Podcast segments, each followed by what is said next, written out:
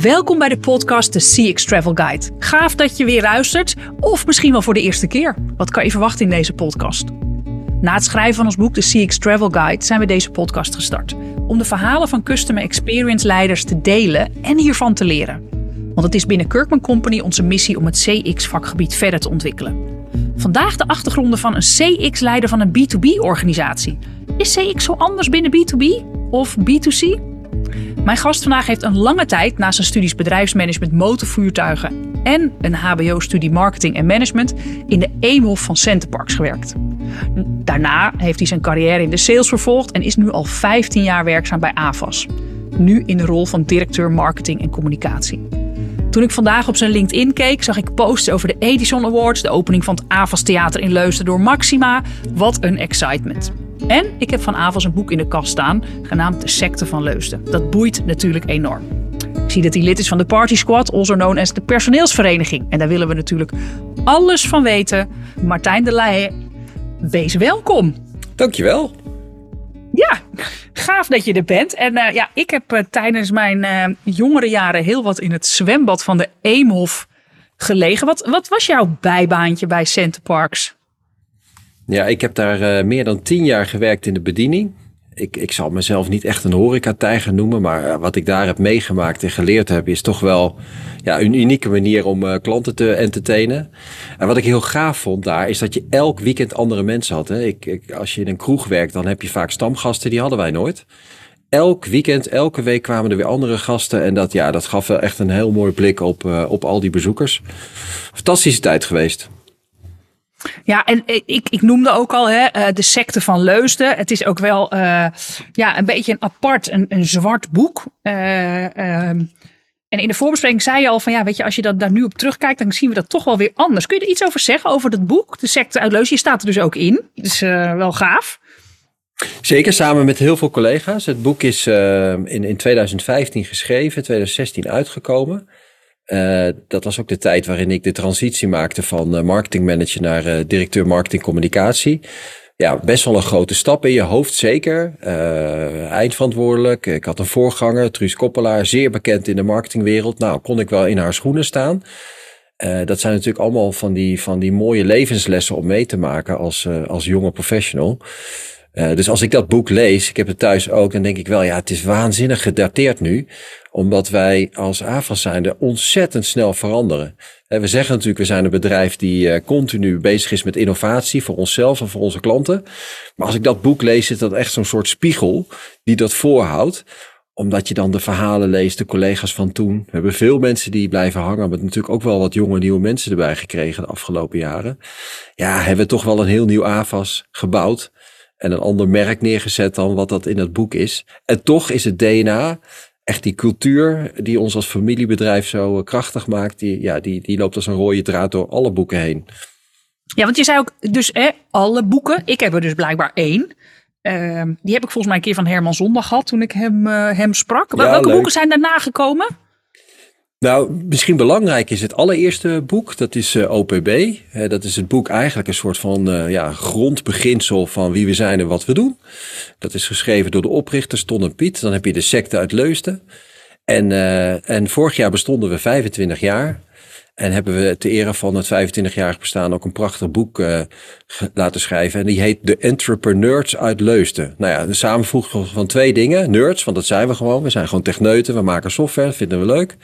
Maar we zijn ook heel ondernemend. We zijn ontdekkend. We zijn ja, misschien ook een beetje anders dan andere bedrijven. Uh, en dat boek uh, zal ik je zeker doen toekomen binnenkort. Leuk, heel leuk. Hey, dan even terug naar de, de luisteraars hier. Die zijn allemaal geïnteresseerd in customer experience. Hè? Als je nou kijkt naar jouw carrière dan. En, en hoe is die verlopen en hoe ben jij in aanraking gekomen met customer experience? Nou, het is wel een hele mooie vraag. Want ik zie mijzelf niet als de ultieme uh, customer experience expert of professional binnen AVAS ik denk dat de kracht van ons bedrijf is dat iedereen uh, in een, uh, ja, wij zeggen zelf in een vat met Red Bull uh, is gevallen of is geboren. En een soort enthousiasme heeft en een soort passie voor klanten. en dat zit echt in onze cultuur. Ik denk alleen wel, door wat je omschrijft met een, een, een tien jaar bijervaring of horeca-ervaring bij de Efteling. altijd ook bezig geweest met het salesvak, het marketingvak, daar ook de studie in heb gedaan. Ja, dat je een soort gevoel hebt ontwikkeld voor uh, je werkt ten alle tijden voor klanten en vanuit klanten. Uh, en het is misschien wel leuk om te vertellen dat uh, ik was consultant. Herman Zondag, die jij net benoemd, die had mij aangenomen om bij klanten de software te gaan implementeren. Dus ik met een CD-ROM in de auto naar mijn eerste klant. Heel andere tijd dan nu, hè, want nu gaat alles online en alles moet natuurlijk veilig. En na 2,5 jaar kwam Bas van der Veld, onze CEO, die kwam naar me toe. Hij zei, Martijn, kunnen we eens praten? Ik zie jou eigenlijk wel de stap maken naar marketing. Ik zeg, ja, maar waarom dan Bas eigenlijk? Ja, je schrijft zulke leuke blogjes. dus het bezig zijn met het consultancyvak, doordat ik altijd bezig was met de eh, kant van de klanten benaderen en niet zozeer met de techniek, ja, heeft ook deze carrière van mij een beetje mogen vormgeven. Dus dat is wel, uh, denk ik, een bijzondere combinatie cool. Ik zei al, ik las uh, uh, jouw LinkedIn en er staan allemaal hele spannende berichten. En uh, wij nemen dit op op 12 april. En gisteren hadden jullie de Edison Awards bijvoorbeeld. Ja, dus als je, het, is, het, kleurt, het kleurt wel. Als, als ik nou, stel je voor, ik moet aan mijn moeder, jij moet aan mijn moeder vertellen wat jouw rol is bij AVAS. Wat, wat zeg je dan? Ja, dat is soms chef feestneus. Uh, en dat, is, dat vind ik aan de ene kant het spannende aan mijn functie, aan de andere kant het geweldige. Dat, dat marketing bij AVAS mag en kan alles zijn. Dus een, in de ochtend ben ik bezig met de lead funnel. En dan zijn we zwaar aan het kijken naar SEO-optimalisaties en uh, allerlei content marketing-achtige activiteiten om ervoor te zorgen dat de aandacht en de interesse voor het merk AVAS verzilverd wordt om onze sales jongens en meiden aan de gang te houden. Ja, en, en, de middag kan ik bezig zijn met het uh, verzinnen van een nieuw feest of een evenement voor onze medewerkers. Of zoals gisteren. Het is wel leuk dat je het zegt. We nemen het op op 12 april. Ik was om twee uur s'nachts thuis. Maar met zoveel energie. Omdat je weer ziet dat met de AVAS Edisons weer een nieuwe fase ingaan. Om doelgroepen aan ons te binden en te vermaken en te entertainen. Ja, en, en juist dat spanningsveld tussen de inhoud en de vorm. Ja, maakt mijn werk machtig interessant. Ja, en, en dat, maar dat, ik, uh, ik bespreek wel eens in mijn masterclass, heb ik het al eens over waarheid vinden en waarheid maken. En wat ik daarmee bedoel, is waarheid vinden van ook, ik moet een uh, event organiseren, wat wil een ander, noem maar op. Dan ga je op zoek naar wat anderen al willen of wat is er al gebeurd. Maar in de wereld waar jij zit, is het natuurlijk ook een heleboel waarheid maken. Ik bedoel, je moet nieuwe dingen bedenken, nieuwe andere dingen. Hoe, hoe zorg je ervoor dat jij geïnspireerd blijft daarop? Nou, het allerbelangrijkste is dat je omringt met uh, goede mensen. Hè? Dus uh, de leden uit mijn marketing communicatieteam zijn stuk voor stuk beter dan ik ooit ben geweest dus uh, als jij een doorstroming hebt in je team, zorg er altijd voor dat er iemand bij komt die anders naar de wereld kijkt. Hè, misschien ook een andere achtergrond heeft. En niet alleen vanuit uh, diversiteit en inclusie, maar ook gewoon om bepaalde bubbels te doorbreken. Hè. We zitten toch hier in een softwarebedrijf. Maar het allerbelangrijkste eigenschap die ik eis van mijn mensen is enthousiasme en nieuwsgierigheid. Hè, de rest kan je aanleren, maar als je niet nieuwsgierig bent in een ander, als je niet nieuwsgierig bent naar een bepaalde markt of een klant. En we hebben het hier mooi, hè, want in het prachtige gebouw waar ik nu ben, het Avas Clubhuis, wat we vorig jaar hebben geopend. Ja, daar komen elke dag klanten. We hebben vorig jaar, of vorige week hadden we 6000 bezoekers over de vloer. Dus hoe makkelijk is het als marketeer om naar een groep te lopen, even een bakje koffie mee te drinken, gewoon te vragen, joh, hoe doen we het? Hoe kunnen we het verbeteren? Wat vind je nou eigenlijk van ons? Ik vind dat heel veel marketeers of customer experience experts, die praten te veel over het vak en niet meer vanuit. Dus wij zeggen altijd, je moet praten vanuit je hart, doordat je er echt elke dag mee bezig bent. En niet dat je in je ivoren toren zit, letterlijk en figuurlijk. Ja, dat is natuurlijk een super slimme move. Hè? Die, tenminste, ik vind het super slim. Ik denk dat bij een heleboel andere CX-professionals best wel jaloers naar AVAS kijken. Hè? Met een AVAS-theater, met de manier waarop jullie investeren in dingen. Uh, en ik uh, sprak jouw collega, die directeur sales, uh, die, die dan ook zegt van, ja, maar wij zorgen gewoon dat we het op deze manier doen. Hè? Wij, wij, wij, hier investeren wij in. in dit soort events. ik was met een ander event waarbij ook het mooie avondstheater mochten gebruiken. En uh, ja, op deze manier, weet je, en als dan een keer iemand wel in software komt, dan uh, komen ze vanzelf al bij ons. Zo is het. En we hebben het eigenlijk eens een keer uitgedacht, hè, van ja. uh, heel veel bedrijven die investeren alleen in meetbare activiteiten. Wij vertellen vanuit marketing en sales nu eigenlijk al een jaar een verhaal hè, van meetbaar versus merkbaar. En merk staat dan voor je merk. Ja, en heel veel marketeers, online marketeers, jonge marketeers zijn natuurlijk opgegroeid in een tijd dat je alles kan berekenen tot drie cijfers achter de het komma in de funnel. Ja, en dan vergeet je eigenlijk om de dingen te doen die je niet makkelijk kan meten. Nou, het, het investeren in een gebouw, in evenementen, in hele gave campagnes. Ja, dat is vaak iets wat heel veel geld kost en zich pas op langere termijn uitbetaalt. En zeker in de B2B zie je dat die keuzes minder makkelijk gemaakt wordt. Ja. Uh, en daardoor denk ik dat heel veel mensen te veel in de meetbare activiteiten investeren en niet meer zoveel in het merk. Nou ja, wij proberen daar een hele goede balans in aan te brengen. Ja. Ja, ik uh, vind hem interessant. En het zit ook een stukje in geloof in dingen. Wij hadden het al over, ik, ik ben die pelgrimage aan het lopen. Ja, en het is natuurlijk iets van A naar B lopen en je weet het resultaat en dan kan je prima meten. Maar er zit ook een soort je moet, en dat geloof ik in custom experience, en dat zie ik bij Avos, je moet er ook geloof in hebben dat iets werkt. En als je altijd alles, maar als ik alleen maar bijvoorbeeld de business case moet maken van mijn pelgrimage, hè, en ik ga daar een keynote van maken en een boek, ja, hoeveel heeft het gekost en hoeveel levert het op? Nee, het zit hem ook in, wat is daarin je ervaring en je beleving en, en heb je geloof in dat dit werkt? Hè? En, en nou ja, dat, ik vind het altijd zoiets interessant als je alleen maar dingen meetbaar wil hebben en de business case. Ja, sommige dingen kan je misschien ook gewoon niet vastpakken. Nou, helemaal mee eens, Nieke. En uh, ja, in ons voorgesprek hadden we het erover, over jouw uh, trip naar Rome, of jouw uitdaging naar Rome. Kijk, ik vind, uh, we genieten te weinig van de reis en we zijn te veel gefixeerd op het doel. Hè, en alles wat afwijkt van het, in dit geval het, het realiseren van het doel, het bereiken van Rome, ja, dat is eigenlijk heel erg zonde, omdat je onderweg ook allerlei andere indrukken, emoties en gevoelens krijgt, die ook die reis bestendigen. Ik vraag eigenlijk elk jaar aan al mijn medewerkers aan het einde van het jaar van wat vind je nou leuk aan Lego? Is dat het bouwen of het spelen? En dat, dat is een hele mooie metafoor om uh, de mensen die gericht zijn op heel snel doelen realiseren, ja, die kunnen wat ongelukkig zijn in de reis ernaartoe. Maar ik vind dat het belangrijk is dat je die gesprekken aangaat. En dat is hetzelfde in, in de dynamiek met je klanten. soms moet je ook accepteren dat we bezig zijn met een reis, maar nog niet helemaal precies weten waar we naartoe gaan. Dat heet innovatie. Ja, dat is natuurlijk ook iets wat in onze softwareproducten terugkomt. Ja, en, en als je even uh, de verbinding tussen marketing en customer experience, hoe, hoe zou je dat beschrijven bij AVAS? Nou, we hebben heel veel afdelingen en heel veel mensen die zich echt wel elke dag bezighouden met klantgeluk. Dat kan heel vaak op een één op één basis zijn. Hè? Een consultant komt bij een klant of een supportmedewerker krijgt een vraag via de portal. Ook heel vaak één op één. En je ziet eigenlijk dat op het moment dat het één op één gaat, dat marketing dan een rol gaat spelen. In het analyseren van data, het doen van enquêtes, het opvolgen van allerlei acties.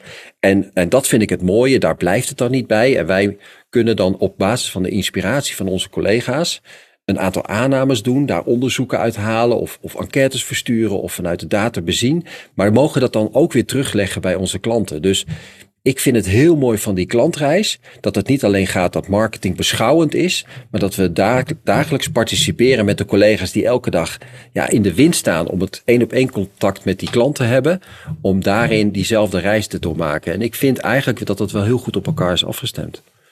Ja, want als je bijvoorbeeld kijkt, en wij zeggen in Custom Experience ook hoe ga je gesystematiseerd luisteren naar klanten. Dat doen natuurlijk de mensen in het operationele. Maar je hebt ook natuurlijk inzichten die je wil vertalen hè, in waar kunnen we het nou beter doen op tactisch en zo. Doe jij dat soort onderzoeken vanuit marketing? Ja, vanuit de marketing pakken we dat soort dingen op. Wij hebben eigenlijk één heilige regel.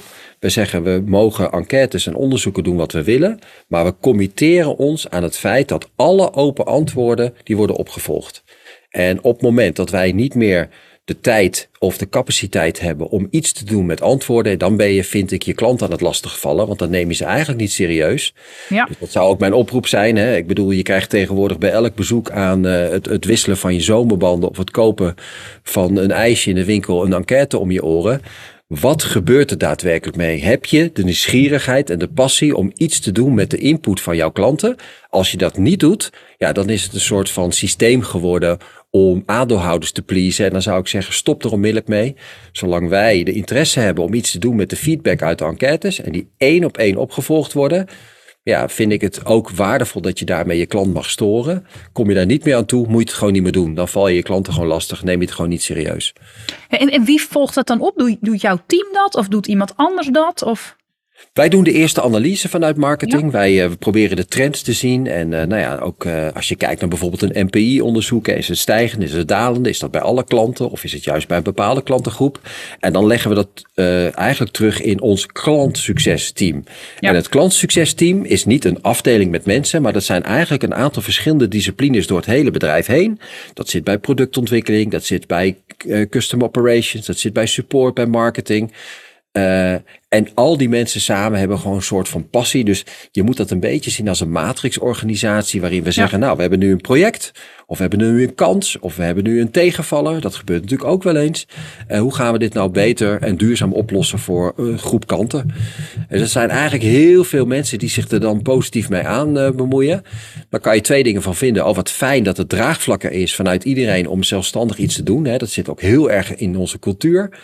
Uh, het nadeel kan zijn dat het wat ongestructureerd is en dat er niet één formele lijn is. Maar ik vind dat wel mooi. Dat is ook weer die reis. we zijn ook vaak bezig met dingen onderzoeken waarvan we nog niet precies weten waar gaat dit nou naartoe. Nou ja, als je dan door regels en procedures wordt afgeremd, is dat denk ik ook niet goed. Nee, nee en als je dan, jij noemt even NPI. Wat is NPI? De Net Promoter Score. Oh, eigenlijk. Uh, ja, noem je hem net Promoter Indicator of NPS? Of hoe, waar, ja, ja, ik zei NPI, ik bedoelde eigenlijk NPS. Oh, Goed dat je. Ja.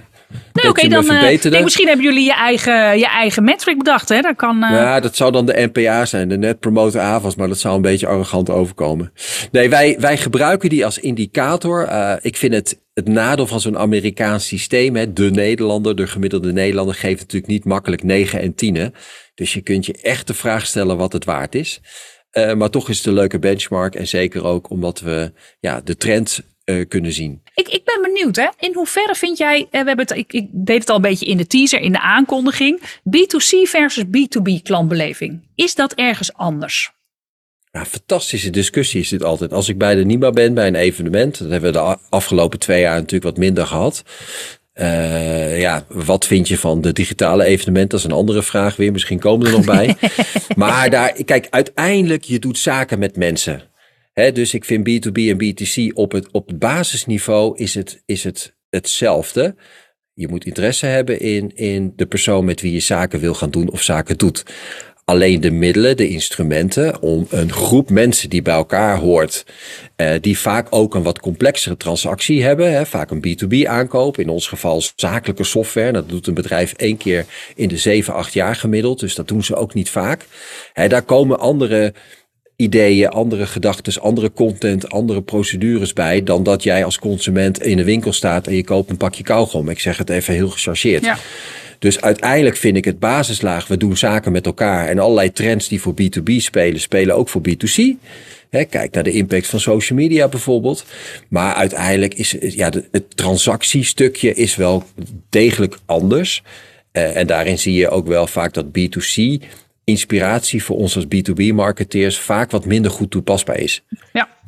Ja, die snap ik ook wel hoor. Maar ik vind hem ook soms een beetje te plat slaan. Want ik merk gewoon dat een heleboel mensen, oh, het is B2C, dus dan is het niet interessant. Terwijl als ik bijvoorbeeld kijk naar methodisch, hè, of jij klantonderzoek, hè, natuurlijk moet je dan, of als je een klantreis doet, ja, alleen heb je misschien dat je de fases van de klantreis anders zijn. Het contractuele stuk wat je misschien niet hebt natuurlijk met een B2C. Um, ehm, maar het is wel, uh, ik, ik vind het ook wel fijn om het wel eens te benoemen. Uh, want het is op sommige vlakken ook echt anders. Maar het betekent natuurlijk niet, ik vind het wel mooi dat je zegt, we kunnen die inspiratie er altijd wel uithalen. Maar uh, ja. Ik, ik, ben nou, ik kan bijvoorbeeld heel erg geïnspireerd zijn als ik uh, nou, uh, bijzonder uit eten gaat met mijn vrouw. Uh, als je een keer in een wat luxer hotel of een restaurant zit. Om eens te ervaren hoe dat dan gaat. En daar een aantal elementen uit te plukken. En die gewoon terug te stoppen in een misschien wat zakelijke, killere omgeving als een B2B softwarebedrijf. En dat vind ik het mooie. Hè? Ik, ik heb altijd één ding geleerd van mijn mentor. Uh, je moet altijd naar andere sectoren kijken om jezelf te verbeteren. Bijvoorbeeld nooit naar andere softwarebedrijven. He, wij kunnen zoveel leren van een Coolblue of de lokale kaaswinkel, waar ik onwijs fan van ben hier in Leusden. En dat zijn ondernemers, dat zijn bedrijven die echt elke dag bezig zijn met klantgeluk en hun klant begrijpen op hele verschillende niveaus. En daar, als je daar wat inspiratie van terughaalt en dat omzet naar actie, ja, is dat denk ik veel gaver dan om, om onderzoeken te lezen hoe je peers het doen. Ja, ja, nou ja zeker in jullie geval natuurlijk. Hè, want jullie staan natuurlijk ook bekend als dat mooie voorbeeld op B2B. Ehm, ehm, dat betekent niet dat je ooit op je lauren rust natuurlijk. Tenminste, zo ken ik AVAS ook absoluut niet. Als je nou kijkt hè, waar klantbeleving en bij jullie. Als jij nu moet zeggen, waar, waar ligt nu de komende twee jaar de focus op bij AVAS? Nou, ik denk dat wij een enorme stap kunnen zetten door uh, nog veel meer te gaan focussen op uh, de mensen die bij onze klanten werken. dus klantgeluk, wat is een klant? Die, die, discussie hebben we wel eens. Is een klant een verzameling aan individuen of is een klant uh, degene die de factuur betaalt? Uh, is de klant de directeur die ooit heeft gekozen voor AFAS en vervolgens een andere baan heeft gekregen? Dus een 360 graden beeld, aangevuld met de data die we hebben, want daar, daar beschikken we over. Daar willen we ook niet te veel acties mee doen. He, wij willen daarvan leren om te kijken hoe kunnen we die klant nog beter begrijpen en hoe kunnen we die klant helpen. En eigenlijk de vraag voor zijn voordat de klant ons belt. Uh, en dat klinkt als een uitdaging die elk bedrijf heeft. Uh, alleen uh, in ons geval ja, kunnen wij het prachtige gebouw en het, het clubhuis waar we nu in zitten en het theater en alle andere middelen inzetten om ook dagelijks daadwerkelijk één op één met die klanten te kunnen spreken. En, en dat is iets wat we de afgelopen twee jaar heel erg gemist hebben. We zijn ver gekomen met de online webinars en seminars. Maar ja, het feit dat je nu weer elke dag mensen over de vloer hebt die je gewoon kan aanspreken van hé, hey, wat vind je van ons en wat kunnen we doen om het te verbeteren? Maar ook te begrijpen dat een persoon uh, niet op zichzelf staat in een B2B-omgeving. Ja, daar komen we steeds meer achter dat dat uh, een complex geheel is, maar wel heel erg veel uh, mogelijkheden biedt om, om ja, nog dichter bij die klant te kunnen komen. Ja. Mooi. Eigenlijk een beetje een vaag antwoord dit, toch, Nienke? Vind ja, en toch, ik kan het me wel goed voorstellen. Want eigenlijk wat je zegt, hè, je hebt natuurlijk veel die benaming. Wie is nou de klant? Heb je, hè, je hebt een beslisser. En dat is denk ik wel in de B2B-context. Mensen die ook luisteren in de B2B zullen het herkennen. Je hebt natuurlijk de beslisser, de betaler, de gebruiker. Hè, en en um, als je echt goed wil zijn in, in custom experience, ben je bezig met al die doelgroepen. En ervoor te zorgen dat zij natuurlijk zoveel mogelijk, ja, klantgeluk vind ik een prachtig woord. Dat vind ik dan ook wel weer conceptueel. En maar dat ze natuurlijk zoveel mogelijk uit jullie pakket kunnen halen en of makkelijk met jullie software kunnen werken of nou ja, even wat voor hun belangrijk is. Ja. Ehm, nou, misschien een leuk voorbeeld daarvan is Avas Live. Dat zijn wij in 2017 begonnen. En daarvan hebben we gezegd, Um, wij moeten ervoor zorgen dat die software goed is, dat de prijs goed is, de stabiliteit, de veiligheid, de inhoud. Hè. Dus aan de productkant mag het nooit en ten nimmer zijn dat we dingen afkopen. Die klant moet gewoon heel blij met ons zijn. Die dagelijkse gebruiker die acht uur per dag achter zijn of haar scherm zit en met onze software werkt, ja, dat moet ook al een feestje zijn. Maar laten we daarnaast eens kijken of we die gebruikers van die software, dan heb ik het niet over managers, directeuren en eigenaren van bedrijven en organisaties, of we die mensen een onvergetelijke avondservaring kunnen meegeven door ze één keer per jaar een concert naar keuze in Avas Live in Amsterdam te laten kiezen en ze daar eigenlijk als een soort VIP-gast te ontvangen en te verwennen. Want wat deden we nooit? Ja, de, de directieleden van onze klanten, die, die wisten we wel te vangen voor een leuk uitje of een speciaal moment. Maar de dagelijkse gebruikers, dus de mensen die achter de knoppen zitten en het besef dat die mensen ook daadwerkelijk uh, verantwoordelijk zijn voor het succes van jou als organisatie, dat is niet die manager of directeur, waarom zetten we die nou nooit eens in het zonnetje? Nou, en dat is een succes. En elk jaar voor corona kwamen er 6000 gebruikers van die software die een concert gingen naar een held of een band of een artiest van zijn of haar keuze. En je merkt gewoon dat dat gelijk ook een soort input geeft aan inspiratie op het product. En dat is mooi, hè? Dus je, ja. je product wordt er beter van, je dienstverlening wordt er beter van. En je gaat een emotionele relatie aan met de gebruikers van je product. Ja, dat is fantastisch. Want zijn er dan, hè, dit is dan even de praktische invulling. Stel, er komen, ik weet niet, op een event 40 gebruikers. Zijn er dan collega's van AVAS die daar dan zijn om ze te ontvangen en het gesprek met ze aan te gaan? Of hoe moet ik me dat Absoluut. voorstellen? Ja, altijd. Een van onze uh, richtlijnen op alle evenementen, of dat nou bij AZ is of AVAS Live of het AVAS Circus Theater of ons eigen AVAS Theater hier, het wordt altijd gedraaid door eigen medewerkers. En dat geldt niet alleen voor de commerciële medewerkers die aanwezig zijn. Dat geldt ook voor de bediening, de hospitality, de parkeren, de keuken, de schoonmaak. een, een, een, gekke eigenschap van AVAS is dat alle mensen die je hier tegenkomt in dit pand, die werken bij AVAS. We huren niemand in. Uh, hè, soms is het natuurlijk wel eens een extern evenement wat door anderen wordt gedraaid. Maar alle mensen die ja, eigenlijk het potje AFAS uh, om hebben, die werken ook daadwerkelijk bij ons en die horen bij de familie. Cool. Als je kijkt, hè, ehm, stel ik wil zaken doen met AFAS. Wat, wat beloven jullie mij? Heb je het dan over het bedrijf? Of, nee, als ik wil, ik denk jullie product. Nou ja, weet je, uh, jullie hebben natuurlijk, jij bent verantwoordelijk voor marketing. Daar heb jij natuurlijk ook doelen in. Uh, stel, jullie hebben nu een klant in jullie funnel. Wat, wat beloof jij de klant als ik voor jullie zou kiezen? Nou, wij beloven allereerst dat wij een heel leuk bedrijf zijn om mee samen te werken. En dat wij ontzettend ver gaan om jou emotioneel te raken. Om ervoor te zorgen dat voordat je met ons de transactie aangaat, of noem het de buying journey, of elke andere vreselijke term die je wil verzinnen, ja, dat we eerst in je hoofd en je hart komen. Hè? Dus je herkent ons door de sponsorschappen. Je herkent ons misschien ook wel van de maatschappelijke activiteiten die we doen. Wij lopen daar niet mee te koop, maar de Avas Foundation is al sinds 2015 zeer substantieel aanwezig. Je merkt toch dat mensen dat ook fijn vinden dat een bedrijf als Avas naar de wereld kijkt met een bepaalde impact. Daar bemoeien we ons trouwens niet actief mee vanuit klantsucces of marketing. Maar je merkt wel dat dat een steeds belangrijker pijler is waarin mensen ook hun beslissing om een gunning te hebben voor een merk in meenemen. Ja, en daarna moeten wij gewoon ongelooflijk goed uh, in, in het hele van contact tot, we noemen dat zelf van eerste contact tot einde contract. In die hele buying en customer journey op elk moment het verschil maken door te laten zien dat het product en de dienstverlening ontzettend goed is. Het lastige daarvan wel is dat wij zeggen, beste bedrijf, jij bent uniek voor ons als klant, maar iedereen werkt met hetzelfde product. Dus bij ons zit de spagaat heel erg in dat 12.000 organisaties in heel Nederland, die werken allemaal met hetzelfde product. Dat heeft heel veel voordelen. Ze kunnen allemaal bij wijze van spreken overnight de nieuwe versie krijgen. Het heeft ook wel wat nadelen dat bepaalde organisaties denken van ja, maar ik ben uniek, dus ik wil ook maatwerksoftware. Nou ja, in, dat, in die spagaat zitten we uh, en proberen we ook onze klanten mee te nemen in het feit dat soms het ook heel goed is om voor je secundaire processen niet allemaal maatwerk te gaan verzinnen. En dat ja, de reden dat een bedrijf uniek is, is vaak niet het secundaire proces waar ze voor opgericht zijn. Hè, maar dat is vaak ook dat je kan participeren in het, uh, in het klantcontact aan de voorkant of hoe ze met hun eigen medewerkers omgaan. Ja, ik denk dat een heleboel mensen die luisteren redelijk jaloers zijn. En ik zal ook vertellen waarom. Omdat custom experience zit zo in jullie DNA, hè, waarbij een heleboel vanuit een S is naar een to be zijn jullie eigenlijk al in het to be. En dan is het meer hoe hou je het scherp en hoe blijf je verbeteren.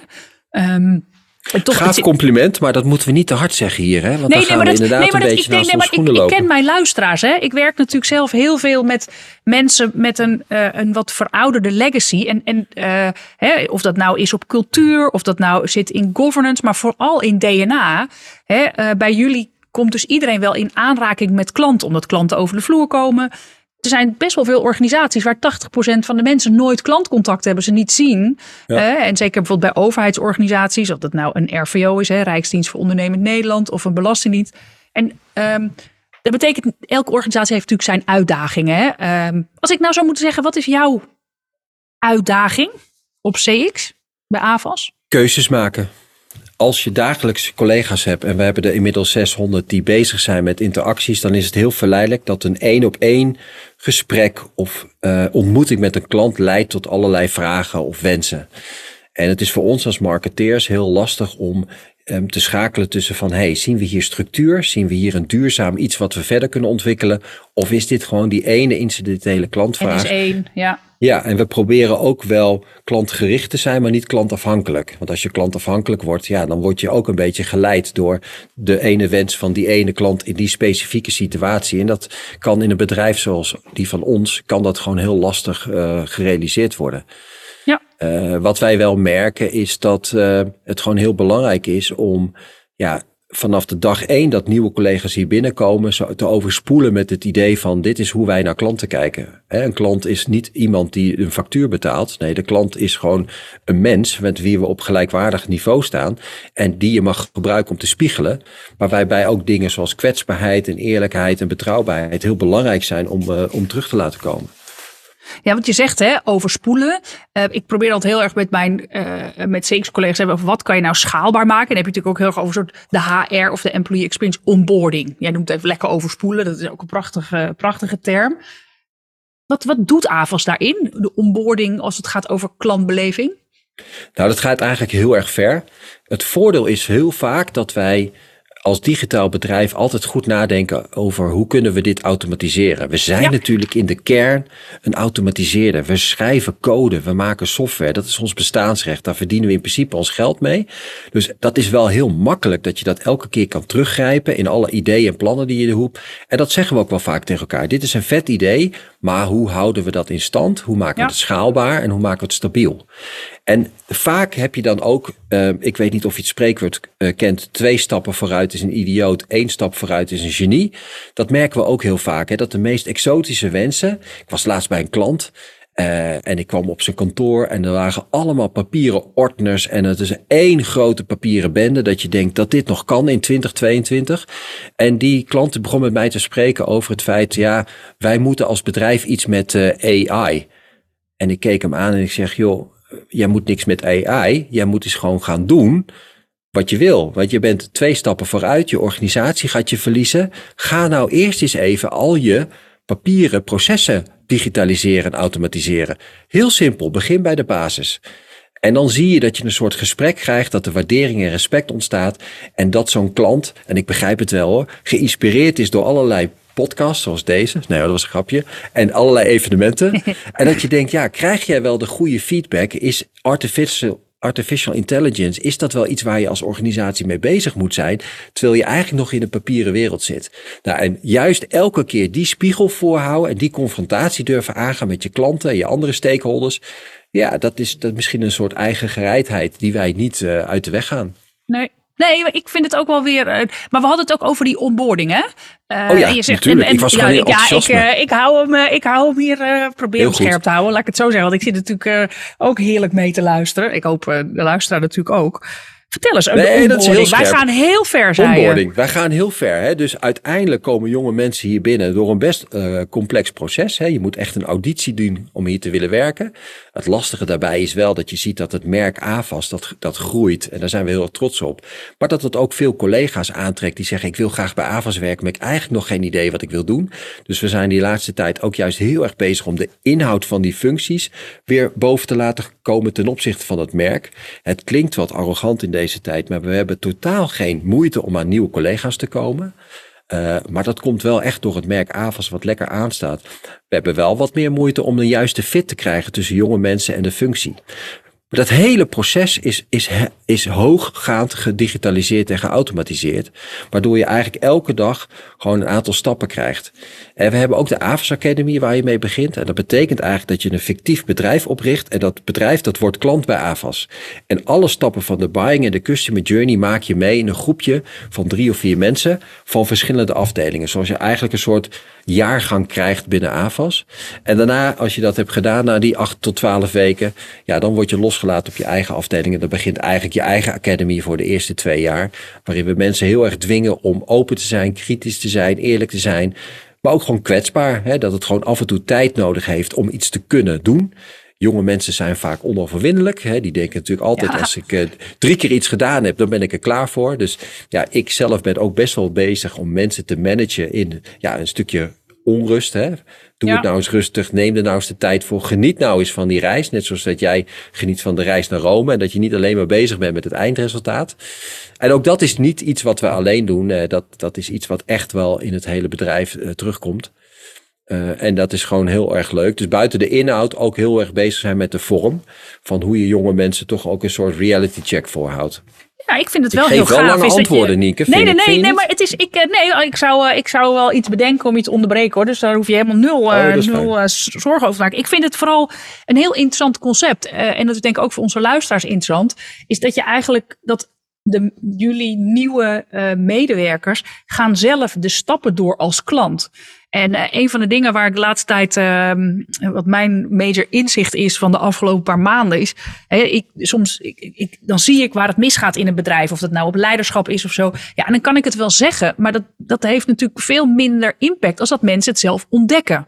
En uh, in het boek van The Power of Moments van Chip en Dan Heath, dan noemen ze Tripping Over the Truth. En dat vind ik een prachtig concept. En dat is eigenlijk wat jullie hierbij ook laten doen. dus jullie laten mensen het zelf ervaren, waardoor ze zien wat klanten ervaren. En als ze dan de volgende stap, waar ze dan ook in dat bedrijf zitten, snappen ze waarom dat belangrijk is. En dat, ik vind dat echt een prachtige manier. En jullie nemen er dus ook de tijd voor. Gewoon acht tot twaalf weken. Niet gelijk hup aan het werk. Hier heb je computer en uh, rammen maar.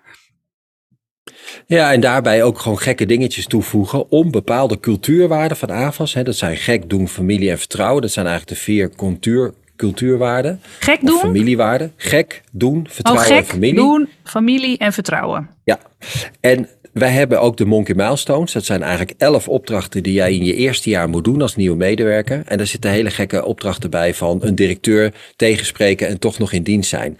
Nou ja, dus je kan zeggen, het zijn een beetje speeltjes. Het is heel grappig verzonnen. Het is misschien een beetje overdreven. Maar al die elementen die wij jonge mensen meegeven, hebben allemaal een doel om te leren om bijvoorbeeld kritisch te zijn naar je leidinggevende. Niet zomaar dingen te accepteren, omdat we dan blijven doen wat we deden. Hè? Dus de innovatie zit ook in dat die jonge mensen een bedrijf oprichten, klant worden van AVAS fictief. Maar dat we ook iets doen met de input die ze ons geven. Hè? Want anders blijft alles bij hetzelfde. Dus je moet ook vanuit je leiding, maar ook vanuit je processen, moet je openstaan voor die feedback en voor die innovatie. Maar elk van die elf opdrachten die ze in een jaar moeten doen, hè, uh, voor een groep spreken, een klant elke dag blij maken, hè, een beetje gestolen van Jos Burgers. Ja. Dat zijn allemaal dingen die subtiel ook een soort van methodisch gedrag erin krijgt dat wij, als we zeggen we willen dat je eigenzinnig bent, maar wel klantgericht, ja, wat bedoelen we er dan precies mee? En dat staat niet op papier, maar dat staat heel erg in je gedrag en ook door een sociaal uh, cohort wat er om je heen wordt gebouwd door je collega's. Die bijvoorbeeld misschien al drie maanden in dienst zijn of zes of twee jaar. Zes ja. maanden. En ja. zo proberen we om te spelen. En we proberen het ook niet in beton te gieten, maar juist om heel erg fluid daarin te zijn. Omdat we ook wel zien, nou kijk naar de afgelopen twee jaar. Zijn een heleboel dingen hebben anders zich afgespeeld. Ik heb ook twee jaar vanuit mijn, vanuit mijn uh, kantoor thuis uh, mijn team en mijn marketing gedaan. Ja, dat is geen ideale situatie, maar dat is nou eenmaal wat het was. Nou, en daar zijn ontzettend veel dingen hebben we daarop geleerd. Wat we bijvoorbeeld ja. zijn gaan doen in de coronatijd is elke dag een soort live broadcasting naar alle medewerkers. Dat doen we nu nog steeds, maar één keer in de week op de woensdagmiddag. Dat noemen we de break in de week. En dan uh, zijn er diverse collega's die dan een soort programmaatje man, die met elkaar delen. Wat is er gebeurd? Wat zijn de belangrijkste lessen? Zijn er nog leuke verhalen? Uh, grappige incidenten? En, en ja, daar kijken nog steeds honderden collega's naar. Dus het is eigenlijk een soort blijfseltje van die hele ja. gekke coronatijd die gelukkig nu een beetje achter ons ligt. Ik wilde vragen, wat doen jullie in cultuur? Maar dit is natuurlijk een mooi. En ik vind wel even, jullie hebben, je hebt het over die monkey milestones. Hè? En, en we hadden het al de parallel met mijn pelgrimage. En als je gaat pelgrimeren, een van de dingen die je meekrijgt is je credentialen. En je credentialen is je pelgrimspaspoort. En dan op bepaalde cruciale plekken kan je in de kerk of in een, um, een tourist office of in zelfs in het gemeentehuis een stempel halen. Doen jullie ook zoiets met die monkey milestones? Zitten er, zitten er bepaalde nou ja, ik noem maar Ja, die moet je afstempelen, maar dan wel digitaal. Dus Leuk. Je, je, krijgt een mooie kaart, maar je krijgt ook digitaal naar je toe. En dan, uh, nou ja, dan, als je dat invult, dan komt dat ook weer langs je buddy. Hè? Want elke nieuwe medewerker heeft een buddy. Dat is niet per definitie je leidinggevende, vaak juist niet. Maar een collega die er al wat langer zit. En die, nou ja, dat is ook mooi, hè? dat je jonge mensen die misschien een paar maanden in dienst zijn, weer de verantwoordelijkheid geven over een nieuwe collega. En zo hou je het systeem vers. Hè? Het is een soort ecosysteem wat nooit brak mag worden. Het is zout of zoet, dat is een keuze. Maar het moet niet gaan verzilten of brak worden. Omdat je continu iets moet doen en open moet staan voor ja, de verhalen die je hoort en de feedback die je krijgt. Ja, ik geloof ook heel erg in die tokens. Hè? Um, dan heb je het jaar af. Doe je dan een soort viering of zo? Heb je dan een initiatieritueel? Of gebeurt er dan iets? Of... Nou, eigenlijk vieren we het elke week. Nee, als jij, als jij uh, je eerste, uh, elke academy heeft, wij doen ook vaak uh, decharge bij klanten. Hè, dus we gaan ja. live en dat vieren we grootst en leuk en indrukwekkend. En dat moet echt een momentje zijn. Nou, dat doen we ook met onze nieuwe medewerkers. Hè. Dus ik vind het heel belangrijk. En gelukkig ligt dat zeker niet alleen bij marketing, maar bij alle leidinggevenden. Wij zeggen bijvoorbeeld ook altijd, we hebben geen recruitment afdeling. Dat doen eigenlijk alle leidinggevenden en eigenlijk alle collega's zelfs. Hè. Als je ziet hoeveel er gedeeld wordt op social media en LinkedIn. Maar die momentjes, die bouw je echt in. En wat je wel merkt, is dat je die feestmomentjes echt bewust moet plannen. Want anders ja, schiet het er een beetje bij in. En dat is wel zonde, want je moet mensen ook belonen voor de inspanning die ze hebben gedaan, maar ook voor de zichtbaarheid die dat mag ja. hebben naar de rest van de collega's. Ja, Mooi. Plan je feestjes, zou ik Ja, een nou ja, het is wel, meegeven. dat komt dus ook uit het boek The Power of Moments. Wat zijn nou die momenten? Je zegt al, de momenten in de klantreis die we echt willen. Als ze live zijn, gaan dat vieren we groot. En dat doe je dus ook in het medewerkerstuk. En ik denk dat dat wel heel krachtig is. Te veel mensen zitten toch een beetje in dat hamsterwiel. Oh ja, ja, moet ook nog iets voor bedenken. Ik had het met mijn eigen hosting provider over vandaag aan de telefoon. Die zegt, ja, maar we hebben toch helemaal geen issues gehad? Ik zeg, ja, dat klopt, maar dat is de transactie. En dat geloof ik wel. Maar wat is nou mijn relatie met jullie? En dat, nou, dat kwam zo binnen. Hij zegt, oh, daar heb ik eigenlijk nog helemaal nog nooit over nagedacht. Zeg, nou, dat is toch misschien wel een mooi, eh, mooi moment om dat te doen, eh, eh, vriend. Het is ook eigenlijk gek, hè, Nienke, dat je heel vaak een gedrag krijgt van een leverancier of iemand waar, waar jij klant bent als er iets fout gaat om het te repareren. Maar dat vrij weinig bedrijven, en wij doen dat ook niet altijd goed genoeg hoor, maar we zijn er wel bewust mee bezig, zeggen van hoe kan ik nou de verwachting overtreffen door een onverwacht feestje in te bouwen of een, een, een, een memorabel moment te bouwen samen. Iets, iets leuks te doen, iets attent. En dat kan al zoveel zijn als een handgeschreven kaartje vanuit een digitaal Ja. bedrijf. Maar dat doen we dan juist niet op het moment dat het even tegen zit, maar juist op het moment dat het extra eh, binnenkomt. Eh, nou ja, ik vind dat zelf bijvoorbeeld ook heel leuk om, om dat ook toe te passen in het normale leven. Waarom zou je iemand alleen maar een cadeautje geven op een verjaardag? Waarom doe je dat niet een keer op een onverwacht moment? Juist dan denk ik dat je een hele onvergetelijke ervaring creëert, omdat mensen het niet verwachten en je echt de verwachting overtreft. Ja, of juist een gekkigheidje. Nou ja, ik ben er ook altijd mee bezig. Mijn team die lacht me altijd uit. Eh, dit jaar ook weer met mijn eh, kerstcadeautje. En hadden ze iets, oh nee, daar heb je haar weer. Maar ik kreeg van allerlei klanten. Ik had, nou, ik had wel eh, delen met jou. Ik had... ik vind, het, ik vind het dus ook leuk om over na te denken. Gewoon een klein iets. Het hoeft niet duur, of, maar het gaat meer om. En we hadden nu dan wel kerst, maar ik had gezien. Ik weet niet, ken je het merk de Good Roll? Nee, nog niet. De Good? Roll, dat is ehm, eh, eh, toiletpapier vanuit een purpose. Hè? Dus als jij dat wc-papier bij hun koopt, dan gaat dat ook naar Afrika. Dan bouwen ze ook toiletten en noem maar op. Maar wat heel leuk is, die rollen zijn heel mooi verpakt. Dus het wc-papier is eigenlijk gewoon eh, normaal, maar die rollen zijn heel leuk verpakt. En dan hadden ze kerst, vier rollen in een soort kerstding. En dan hadden we een kaart bij, ho, ho, ho, holy shit, wat een jaar. En, eh, eh, ja, gewoon als, en het gaat, en het meer zo even, en een tekst erbij. hè. Het was natuurlijk, weet je, een bijzonder jaar. We hebben veel achter teams gezeten. hè. maar, eh, nou ja, hier even iets. En dat, ik heb daar zo'n lol in. Maar dan denken ze, oh, maar kan dat wel? hè? Ik heb natuurlijk allemaal corporate klanten. Joh, ik kreeg allemaal foto's van mensen met kinderen met die wc-rollen. De wc die ermee opgeleukt was. En dan denk ik, ja, je moet het ook een beetje durven. Zo is het. Maar goed, hey, even voor mij. Wat is een klantverhaal wat jij gewoon niet meer vergeet? Iets wat jij misschien ook gebruikt in je eigen storytelling. Nou, het verhaal wat ik zelf altijd eh, gebruik is mijn eerste ontmoeting met PP, de salesdirecteur Ja. die jij ook kent. Hij was verkoper bij AVAS en ik was een beginnend consultant en wij kwamen samen op een project. Eh, die naam mag ik wel noemen, want dat is best wel bekend. Dat is de Vermaatgroep, de cateraar, die, eh, Ja. ja. die heel veel doet in ziekenhuizen en andere organisaties. En mijn collega BP had iets verkocht. Ja, dat kon eigenlijk wel, maar niet standaard. Eh, en, en ja, op mijn eerste dag daar kwam hij toch even naar me toe. En ik dacht, hè, wat is het gek dat hij hier, ben, dat hij hier is. Want de sales hoort helemaal niet nu op die eerste implementatiedag aanwezig te zijn. Nou ja, toen kwam ook wel de aap uit de mouw, want het is gewoon een fantastische sales. Maar hij ging mij toch wel even motiveren en inspireren om hetgene wat eigenlijk niet kon, om dat wel mogelijk te maken. Nou, daar hebben we keihard over gelachen. En dat tot op de dag van vandaag. Hij werd sales manager, ik marketing manager. Hij werd sales directeur, ik mocht marketing directeur worden. Ja, we, houden elkaar scherp. We kunnen vreselijk met elkaar lachen. We kunnen het ook heel goed met elkaar oneens zijn. Maar we hebben wel altijd dat moment waar we in afdalen. Oké, Martijn, BP, als alles wegvalt in wat wij elke dag mogen doen voor dit geweldige bedrijf, ja, dan hou je het product over en de klanten.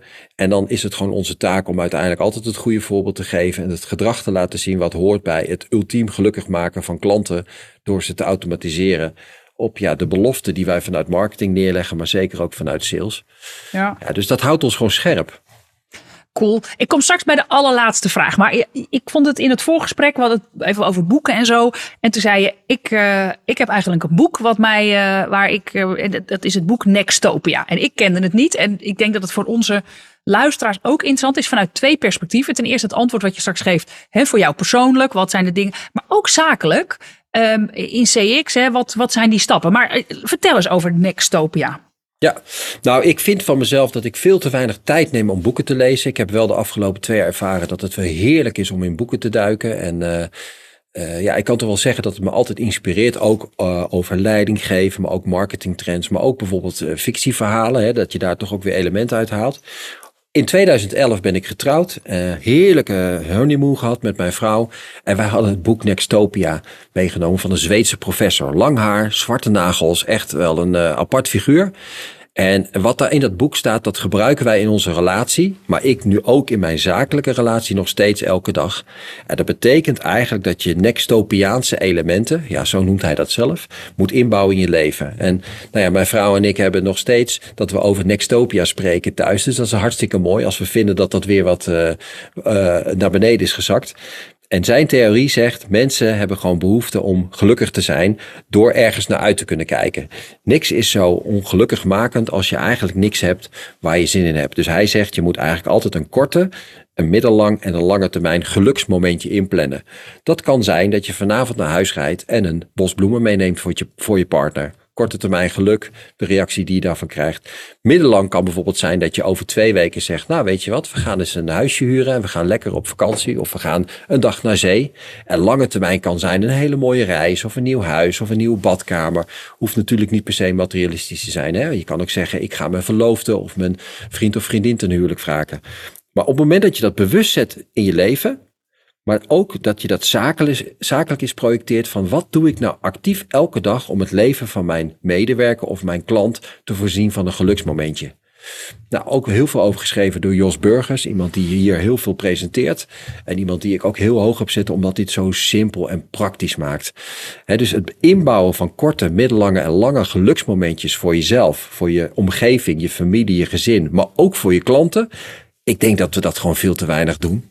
Ja, ik vind het een prachtige. Ik vind het een ander inzicht wat ik nog niet. Nou ja, ik had het wel toevallig bij een LinkedIn-post van van de week over mijn. Uh, mijn pelgrimstocht, zullen we zeggen, is wat een heleboel mensen zeggen. Ja, dat is wel duizend kilometer. En hoe doe je dat dan? En uh, ja, ik plan dat in zes momenten. En nu zijn er vijf, moment, vijf wandelstukken voorbij. En is het nog maar 80 kilometer. En in één keer denk je, oh, Hè? Uh, ja, ook hak het in stukken. Weet je? En dat is met dit natuurlijk ook. Uh, je kan de geluksmomenten, maar je kan ook kijken waar wil ik dan komen en wat moet ik daar dan voor doen. Ik vind het een heel. Uh, interessant concept. Hey, even ik jou... had uh, nog een aanvulling daarvan, Nienke. En dat is ja. misschien ook vanuit deze theorie interessant om al te gaan nadenken over wat komt er nou na Rome.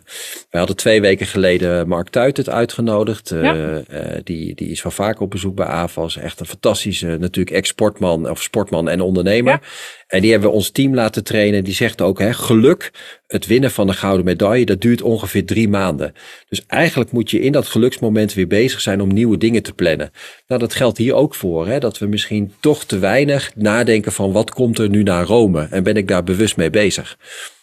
Nou ja, ik vind hem interessant, want dit pad uh, loopt nog even door uh, naar de hak van uh, Italië. Dus ja, ik kan natuurlijk niet in Rome stoppen. Maar Rome was wel een soort, is wel een dingetje. En daar krijg je dan zo'n testimonium en noem maar op. Maar ik vind, het ook, ik vind het ook belangrijk. Want dit heeft voor mij ook wel. Ik heb het daar zakelijk met mijn team ook over. Van weet je, ook, natuurlijk zijn we bezig. Wat willen we nu de komende drie maanden? Maar ik heb vier maanden doen. Want dat vind ik heel belangrijk voor mijn milestones. Maar er ligt een, een, een vijfjaren plan eigenlijk, zullen we zeggen, aan ten grondslag. Waardoor je ook nou ja, verder rijkt. En uh, dat vind ik ook vanuit klantbeleving moet je daar natuurlijk ook wel naar streven. Hè? Uh, heb jij bijvoorbeeld een doel op NPS? Nou ja, de beste worden in de sector. Alleen ik ga er geen getal op plakken, nee, want okay. dat kan heel erg uh, verstorend ja. zijn. Ja. Je zegt net tussen neus en lippen door vijf jaren plan. Hè? Daar vind ik ook wel wat van. Als je nou kijkt naar al die mensen die data-driven zijn geweest, hè, dat is toch hè, digitale transformatie en data-driven, dat waren de twee toverwoorden hè, van de zijn. afgelopen jaren. Of zijn de woorden. Nou kijk je in één keer naar het feit dat we een crisis hebben gehad, waarin alles anders is geworden. Ja, daar ga je met je drie of vijf jaren plan.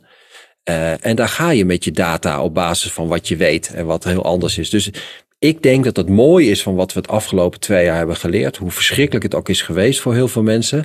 Ja, dat we weten dat de toekomst is niet altijd voorspelbaar en maakbaar. En soms is het ook gewoon elke dag een stapje zetten. Hè, dat doen wij bijvoorbeeld ook met AB-experimenten en testen op de website. Ja, je hebt een aanname en een idee, maar je weet eigenlijk niet goed wat is nou de winnaar en welke, aan welke keuze doen we het goed. Nee. Want soms is data geen goede voorspeller van de toekomst. Juist omdat die toekomst radicaal anders kan lopen. Dus ja. ik nou vind ja, het heel dat goed. Is, uh, in, uh, in onze masterclass besteden we daar veel aandacht aan. Ja, je hebt data nodig. En ja, blijf ook gewoon zelf een beetje nadenken en om je heen kijken. Ja. Uh, Weet je hoe wij dat noemen? Data inspired. Hè? Dus eerst je onderbuikgevoel en dan de cijfers. En bij voorkeur niet andersom. Nou ja, wij, wij noemen dat AI versus NS. Artificial oh. Intelligence versus Natural Stupidity. Nou, die ga ik onthouden. Daar ga ik vast goede sier mee maken als ik dat op Twitter stop. Oh ja, omdat gewoon de mens is niet altijd te voorspellen en de wereld is niet te voorspellen. Weet je, blijf gewoon je hoofd gebruiken. En, en, en, en, en, en zeker mensen doen gewoon gekke dingen. Hey, even jou de laatste afronder. Wat is jouw tip nou voor onze luisteraars om succesvol te zijn als leider in klantbeleving? Nou, denk ik eigenlijk twee dingen zal een beetje voorbij komen. Praat vanuit klantbeleving en er niet over. Als jij nooit met klanten spreekt, dan heb je eigenlijk helemaal niks te zeggen over dit onderwerp. En natuurlijk, hè, alle mensen die bezig zijn met het vakgebied, alle marketeers mogen iets zeggen vanuit enquêtes, vanuit aannames, vanuit onderzoeken. Maar praat nou gewoon eens weer eens één op één met personen. Wat vind je goed aan AVAS? Wat vind je minder goed aan AVAS? Hoe kunnen we jouw dag leuker of beter maken? En als je dat nou elke dag doet en je zorgt er ook voor dat je een systeem creëert van vertrouwen en enthousiasme om met die feedback iets te doen, denk ik dat je hele mooie stappen maakt. En daarnaast zijn natuurlijk al je plannen, ambities en visiedocumenten heel leuk om je te spiegelen aan iedereen. Maar praat er niet over. Hè? Praat vanuit uh, het gevoel dat je echt weet wie die klant is of wie die klanten zijn. Je zei ik heb twee dingen. Ja, dus hè, loop rond in je bedrijf. Hè. Wees geen toerist in je eigen bedrijf. Dat marketing in die ivoren toren zit. Maar ja, in mijn geval is het heel makkelijk. Als wij klaar zijn met dit gesprek, loop ik naar beneden. En dan zitten er 200 ondernemers bij een sessie van denkproducties. Die is vandaag ook. Nou, dan weet ik zeker dat ik weer twee of drie mensen spreek bij de koffie of bij de borrel. Uh, waarvan ik toch weer feedback krijg over uh, hun ervaring van die dag. Mooi. Dankjewel um, voor iedereen die, uh, die, die hier luistert. Uh, wij zorgen ervoor dat jouw LinkedIn profiel natuurlijk in de, in de show notes zit. heel gaaf. Dankjewel voor, voor het gesprek, voor je tijd en vooral voor het delen van ja, wat voor gaaf bedrijf AVAS toch is. Dankjewel. Graag gedaan, Danique. Dank voor het luisteren naar de podcast. En wat een mooie inkijk hebben we gekregen in Customer Experience en de ervaringen van Martijn de Lahey van AVAS. Yes, CX in B2B is anders. Toch wel fijn voor mensen die luisteren in de business to business. Het is anders en soms misschien ook een klein beetje niet. Wat ik zal herinneren van dit gesprek is de gesystematiseerde manier van onboarding in het HR-proces. Het overspoelen, zoals Martijn het noemde. Waarbij mensen een eigen bedrijfje oprichten en zo fictief AVAS aankopen. En echt ja, tripping over the truth, maar ook hun 11 monkey milestones doorgaan. Wat ik ook heel bijzonder vind, is de keuze qua marketing eh, om ja, echt te investeren in events. AVAS Live, Leus, de Circus Theater. En zo altijd klanten, mensen, gebruikers over de vloer te hebben. En die keuze niet alleen maar geïnvesteerd vanuit een ja, business case en meetbaar, maar ook vanuit een merkbaar. En ik vind dat heel erg mooi en ook gedurfd. En je ziet dat het zijn resultaten afwerpt. Ja, wil je meer weten over al onze podcasts die er zijn of de informatie uit deze podcast in de show notes bekijken? Kijk dan op kirkmancompany.com slash podcast. En Kirkman, dat schrijf je als Kirkman. Uh, ja, en de podcast staat natuurlijk ook op Spotify. Tot de volgende keer!